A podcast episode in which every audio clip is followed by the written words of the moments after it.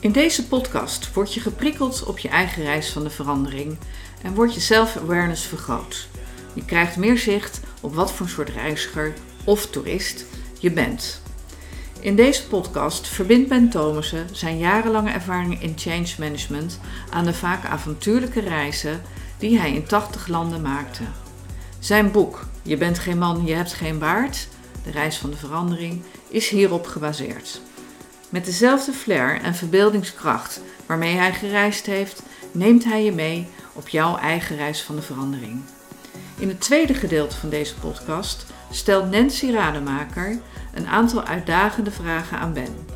Nancy is een van de meest gevraagde internationale keynote sprekers. Haar vragen zorgen voor nog meer scherpte in de verhalen in deze podcast.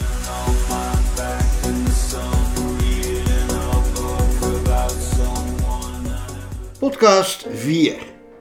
Thema. Als je alleen reist, heb je vaak mooie ontmoetingen. Ook met jezelf. Als jongetje zat ik op de zolder in Bergen Zoom informatie van allerlei landen door te nemen en wakkerde daarmee mijn verlangen naar verre landen aan. Ik beschreef dat al in de eerste podcast. Nu bekijk ik de analoge en digitale fotoboeken van alle mooie reizen die ik inmiddels heb gemaakt. Reizen is er nu even niet bij hè, in deze COVID-19-tijd, maar voor herinneringen, innerlijke reizen en reflecties hoef ik het huis niet uit. Zo blader ik nu in het fotoboek dat ik maakte van de reis die ik alleen maakte door de Verenigde Staten en Canada. Verkleurde foto's, mooie herinneringen. Ik ben 28 jaar en werk sinds mijn afstuderen inmiddels 2,5 jaar. Ik heb het gevoel dat er weer eens een nieuwe impuls nodig is, maar ik weet beslist niet wat voor een. Ik meld me aan voor een gevechtsport en krijg bij de eerste les al een keiharde punch in mijn maag van een of andere maffe macho. En ik denk, ja, dit is het dus niet wat ik zoek. Ik besluit in mijn eentje te gaan reizen naar Amerika. Eigenlijk ben ik iemand die zijn enthousiasme graag deelt met anderen. Ja, en hoe is het dan om in je eentje te gaan? Ik vind het wel spannend. Ik heb het wel eens eerder gedaan, maar ja, toen min of meer gedwongen.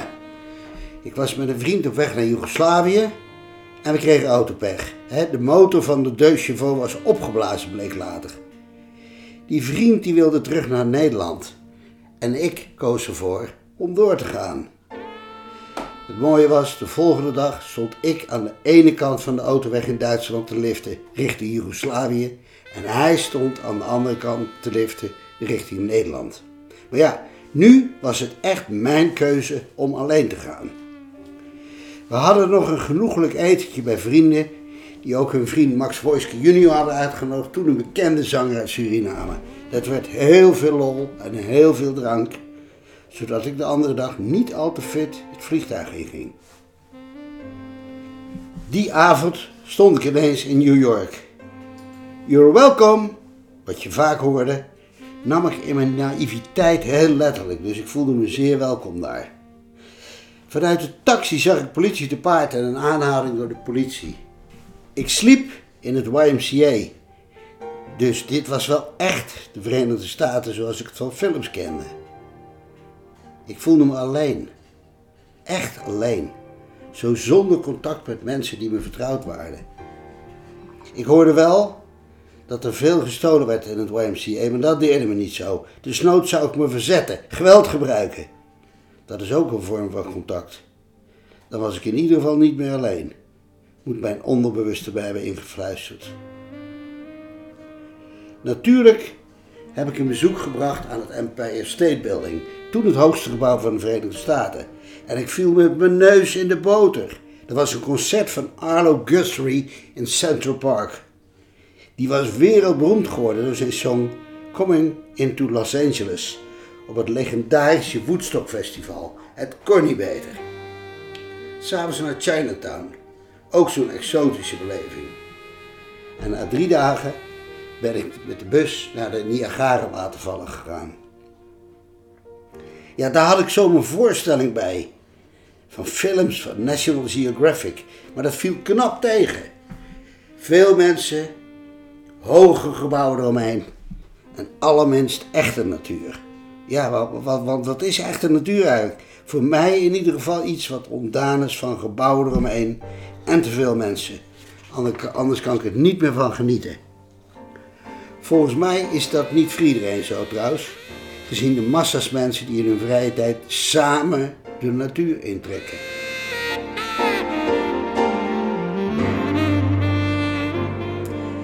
Ik herinner me toen ik daar was, Hans Martens, een klasgenoot van de lagere school in Bergen op Zoom, die acht jaar daarvoor naar Canada was geëmigreerd.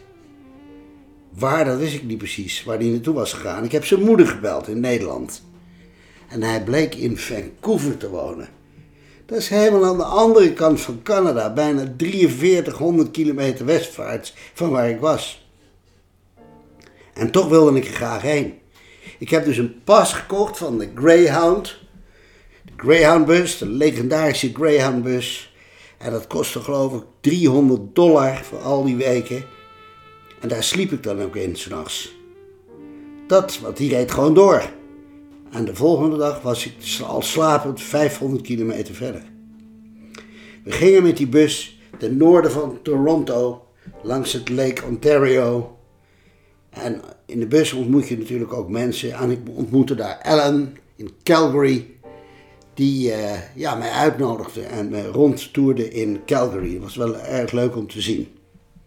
Daarna ben ik weer alleen de Rocky Mountains ingetrokken, liftend. Onderweg vond ik het wel spannend om eruit te gaan. En in the middle of nowhere zei ik tegen de chauffeur: Zet me hier maar uit. What the fuck? Are you crazy? This is bear country.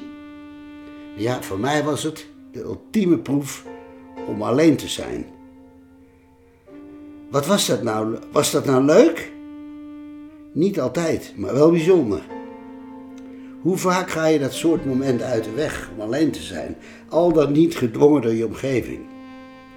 Ik ben die auto uitgegaan en heb mijn tentje opgezet. Ik wist wel dat ik alles wat voedsel was hoog in een boom moest hangen vanwege een aanwezige beren. En toen ik wakker werd de andere morgen, heel vroeg, en ik keek naar buiten, zat er inderdaad een beer vlak bij mijn tent.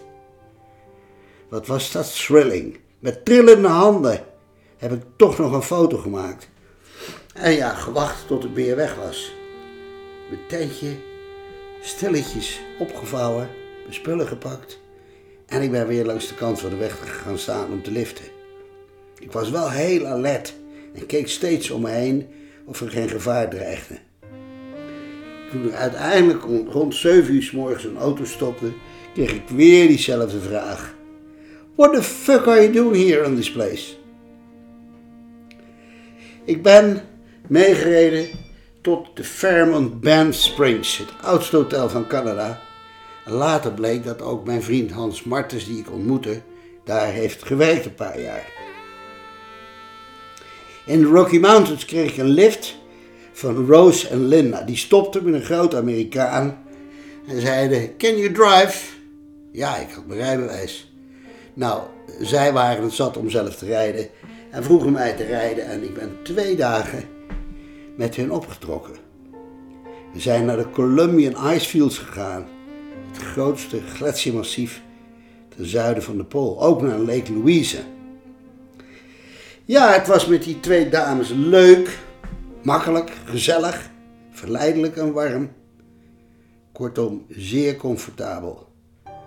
Maar ik wilde toch weer alleen verder. Daar had ik tenslotte voor gekozen.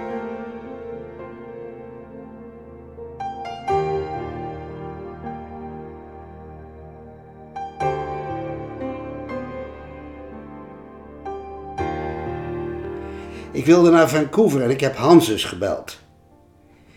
In onvervals Brabants Bers zei hij: Hé, hey, waar ben? Hans heeft nog immer het best geconserveerde Bers dialect wat er is. Woorden die wij al lang niet meer gebruikten, die gebruikte hij nog wel. Die had hij daarvoor mee naar Canada genomen. En uh, die gebruikte hij nog steeds. Fantastisch. Het voelde erg vertrouwd. Maar het was wel in Canada. Toen ik helemaal bij hem was, liep hij helemaal leeg. Hij was in 1971 vertrokken naar Canada. En had eigenlijk van niemand meer wat gehoord. Ja, ik vroeg me toen eigenlijk wel af. Zou het nou echt waar zijn? Uit het oog, uit het hart. Hans was toch wel iemand die heel erg populair was en duidelijk gezien werd, maar toch. Ik vroeg me ook toen af, toen ik hem zo zag, waarom laat je nou je vertrouwde omgeving, de oorsprong van je zijn achter? Ga je op de vlucht voor iets? Of wil je iets verwerven? Of allebei? Eigenlijk is dat wel een vraag die bij fundamentele keuze in je leven hoort. Wil je iets ontvluchten of wil je iets verwerven? We zijn een paar dagen later met de zeilboot van Hans in Vancouver Bay gaan varen. Met zijn vriend Pieter lag ik in het volgbootje, heerlijk in de zon. We zwommen in Horseshoe Bay. Dat kan overigens nu niet meer, want door de opwarming van de aarde zitten er nu haaien in die baai en kun je daar niet meer zwemmen. We maakten de beroemde zomerfeesten in Vancouver mee. En daar ontmoette ik ook Patsy, een vriendin van Hans, marketingmanager, die in een busje reed met ja, de, de, een hele grote pop van een aap naast zich, met andere woorden. Daar komt niemand naast me zitten, maar ik werd juist door haar uitgenodigd om met hem mee te gaan. Ja, dit was weer zo'n kans. Wat een mooie vrouw was dat. Die kans heb ik maar gepakt, met enig schuldgevoel voor mijn gastheer en dame. En later bleek dat overigens volkomen overbodig. Vandaar ben ik met de Greyhound-bus via de Highway 1 naar San Francisco gegaan. De Highway 1 is een van de mooiste routes ter wereld, waar Alfred Hitchcock veel van zijn suspensefilms heeft opgenomen. Ja, San Francisco, na die flauwe power tijd die ik allemaal nog bewust heb meegemaakt, was dat wel een legendarische stad met veel straattheater en oude flauwe power hippies. Ik had daar een ontmoeting met twee echte Engelse jongens, Nitch en Rob. Die zijn naar Chinatown gegaan, wat toen de grootste Chinese gemeenschap buiten China was. Met de laatste met de hand bediende kabeltram ter wereld zijn we naar Fisherman's Wharf gegaan en van daaruit naar het gevangeniseiland Alcatraz. Ik sliep in het Fantasy Motel in Anaheim tegenover Disneyland. Disneyland was sensationeel en sprookjesachtig. Binnen de kortste keren zat ik in een andere wereld. S'avonds heb ik daar ook de feerieke lichtparade gezien. Ja, dat was eigenlijk wel een beetje kitsch, maar tegelijkertijd ook heel bijzonder. De dag daarna hebben we een bezoek gebracht aan Universal Studios. Als filmliefhebber kijk ik mijn ogen uit naar alle trucages uit bekende films. Ik ben gek op techniek en zal de vernuftigheid waarmee in werkelijkheid werd opgeroepen niet licht vergeten. Instortende bruggen, het dorp, boot en haai uit de film Jaws. En stuntbannen die van daken afvielen. Ook de nepstraten en de NBC televisiestudio's. Ja, alles was hier eigenlijk artificieel. Nep. Zoals ik normaal zou zeggen in mijn behoefte waardeoordelen uit te spreken over situaties en mensen. Nu geef ik me er ongegeneerd aan over. En kan er enorm van genieten. Zou dat nou ook komen omdat ik hier zonder relaties of vrienden ben? Ben ik dan minder genormeerd? Zo heb ik ooit tijdens een zakenreis in Minneapolis een ongelooflijk grote, ordinaire rode Pontiac Firebird gehuurd. Waar ik hier door mijn vrienden niet eens gezien wil worden. Ik heb met de muziek hard aan enorm mee zitten blaren en enorm genoten. Daar komt het wel.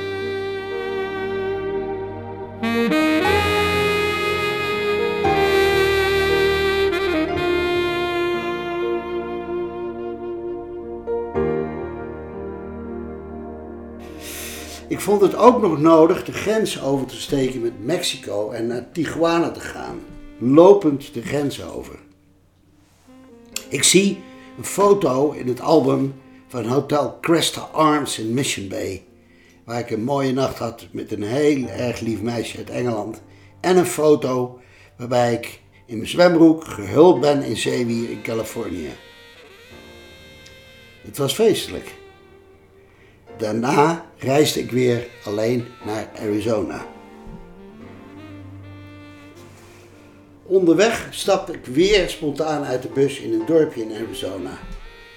Daar ben ik met mijn lange krulhaar in het plaatselijke restaurant duidelijk niet welkom. Er wordt niets gezegd. Ik moet het drie keer vragen voor ik iets kan bestellen. Het is doodstil. Iedereen kijkt voor zich uit en de spanning is om te snijden. Ja, dit heb ik vaker in films gezien, zoals bijvoorbeeld in Easy Rider. Dit waren de reactionaire Amerikanen ten voeten uit. En als ik het op mezelf betrek, in de kern wil ik eigenlijk altijd aardig gevonden worden en erbij horen, maar niet ten koste van alles. Ook laat ik me niet zomaar wegpesten. Waarschijnlijk heb ik dat overgedragen gekregen van mijn ouders, die in de Tweede Wereldoorlog in het verzet zaten.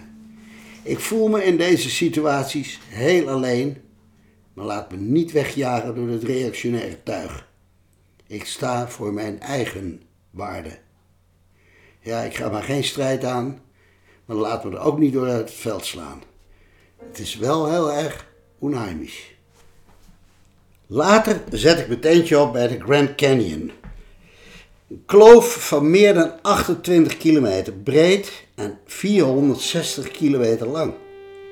Ik geniet van het oranje avondlicht over die indrukwekkende natuur.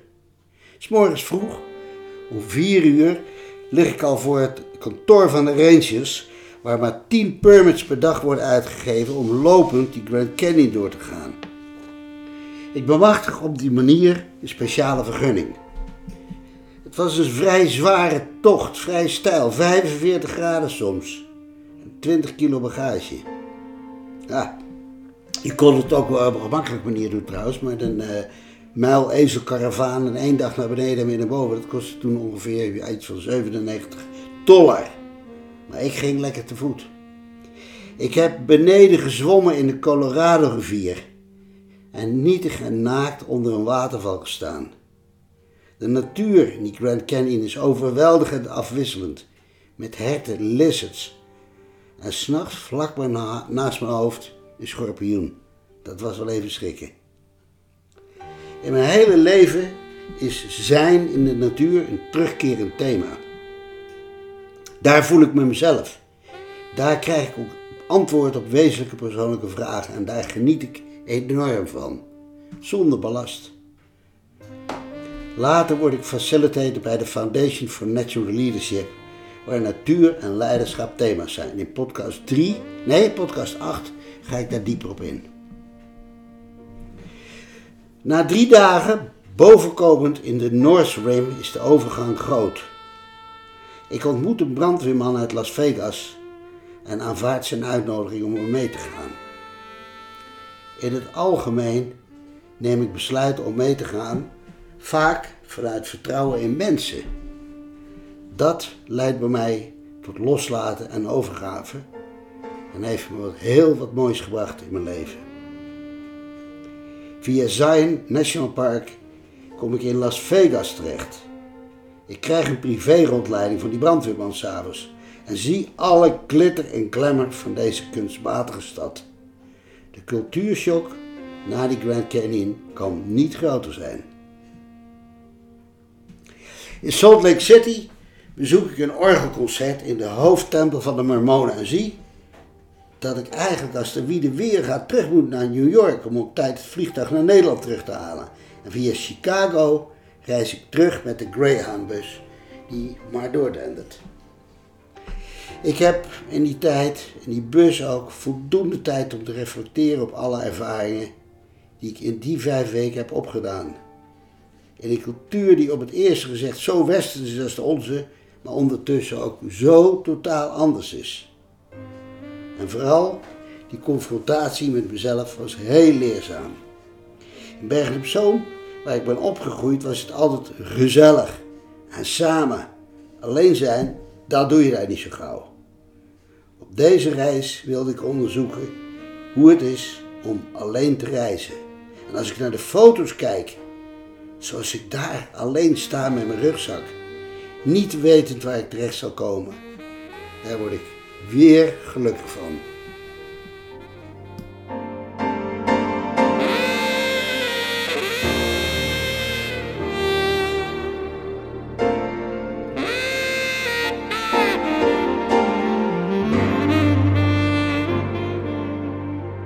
Ben, wat een feest van herkenning deze aflevering.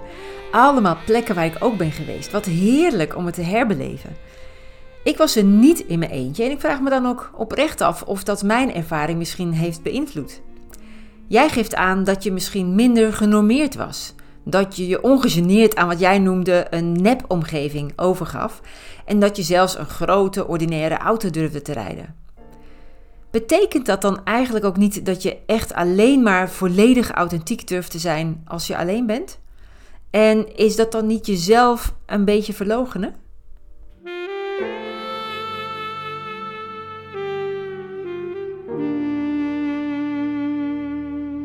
Nancy, wat heb je weer een pregnante vraag. Mezelf verlogenen, ja, dat komt eigenlijk niet zo in mijn vocabulaire voor. En eigenlijk vind ik dat ik meer rebels ben. Niet heel erg aangepast en heel autonoom. Maar nu je me die vragen stelt en ik eens goed op mezelf reflecteer, moet ik dat beeld wel wat bijstellen. In de tijd dat ik die reis maakte naar de Verenigde Staten en Canada, was ik een oprecht sociaal-democraat, stemde PvdA. Daar paste niet bij de glitter en glamour van Disneyland, Universal Picture Studios, Las Vegas en vooral niet het rijden in poenerige auto's. Dus kitsch en het materialisme paste absoluut niet bij een sociaaldemocraat. Het was fout. En dus wilde ik liever niet gezien worden in die omgeving. Zo zie je maar. Culturen en subculturen hebben zo hun eigen normen en waarden. En je zit erin voordat je er eigen hebt. Er is niet zo aangepast bijvoorbeeld aan uniform als het lidmaatschap van de punks of de motorclubs die zich profileren als tegen de gevestigde orde. Maar ondertussen is iedereen hetzelfde. En je dient je te houden aan de mores van die subcultuur. Ja, uh, aan de andere kant, waarschijnlijk bieden die subculturen je ook kaders. Hou vast en pas je daaraan aan zonder dat je het merkt. Dus volledig authentiek zoals je vraagt, nee. Dat was ik niet. En misschien nogal niet.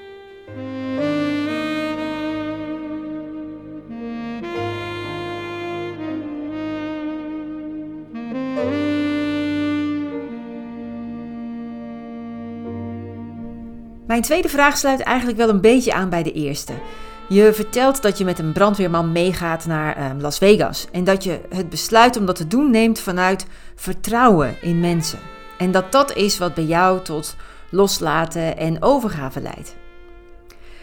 Maar betekent dat dan eigenlijk niet dat het genormeerd zijn, waar je het eerder over had, niet zozeer iets met samen zijn met anderen heeft te maken, maar veel meer met je conformeren aan een groep?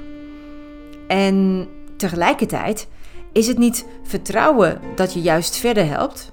Want dat is toch wat in essentie wordt bedoeld met het gezegde: alleen ga je sneller, maar samen kom je verder.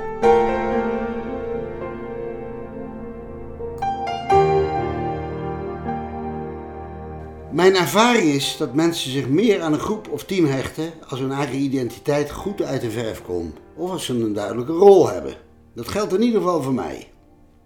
Als ik het gevoel heb dat mensen mij niet waarderen om wie ik ben, dan keer ik me ook af van teams en neem ik niet echt deel. Maar als er nadrukkelijk iets van mij wordt gevraagd op basis van mijn persoonlijkheid of rol in het team, dan ben ik er altijd voor die ander. Ik committeer me graag aan mensen waar ik respect voor heb waarvan ik het leuk vind om voor te werken. Die laten merken dat ze mij leuk of waardevol vinden. In essentie ben ik geloof ik veel meer een lone wolf dan een socializer. Dus ik moet wel een duidelijke rol hebben en er moet ook een vraag zijn. En soms is snelheid belangrijker dan gezamenlijke doelen. En dan vind ik alleen dingen oppakken ook niet erg. Op dat moment in Arizona waarop ik buitengesloten werd en me flink eenzaam voelde, werd er tegelijkertijd een soort strijdlust bij me opgewekt. Ik voelde me getest op mijn waarden en overtuigingen en ik hield me daaraan vast.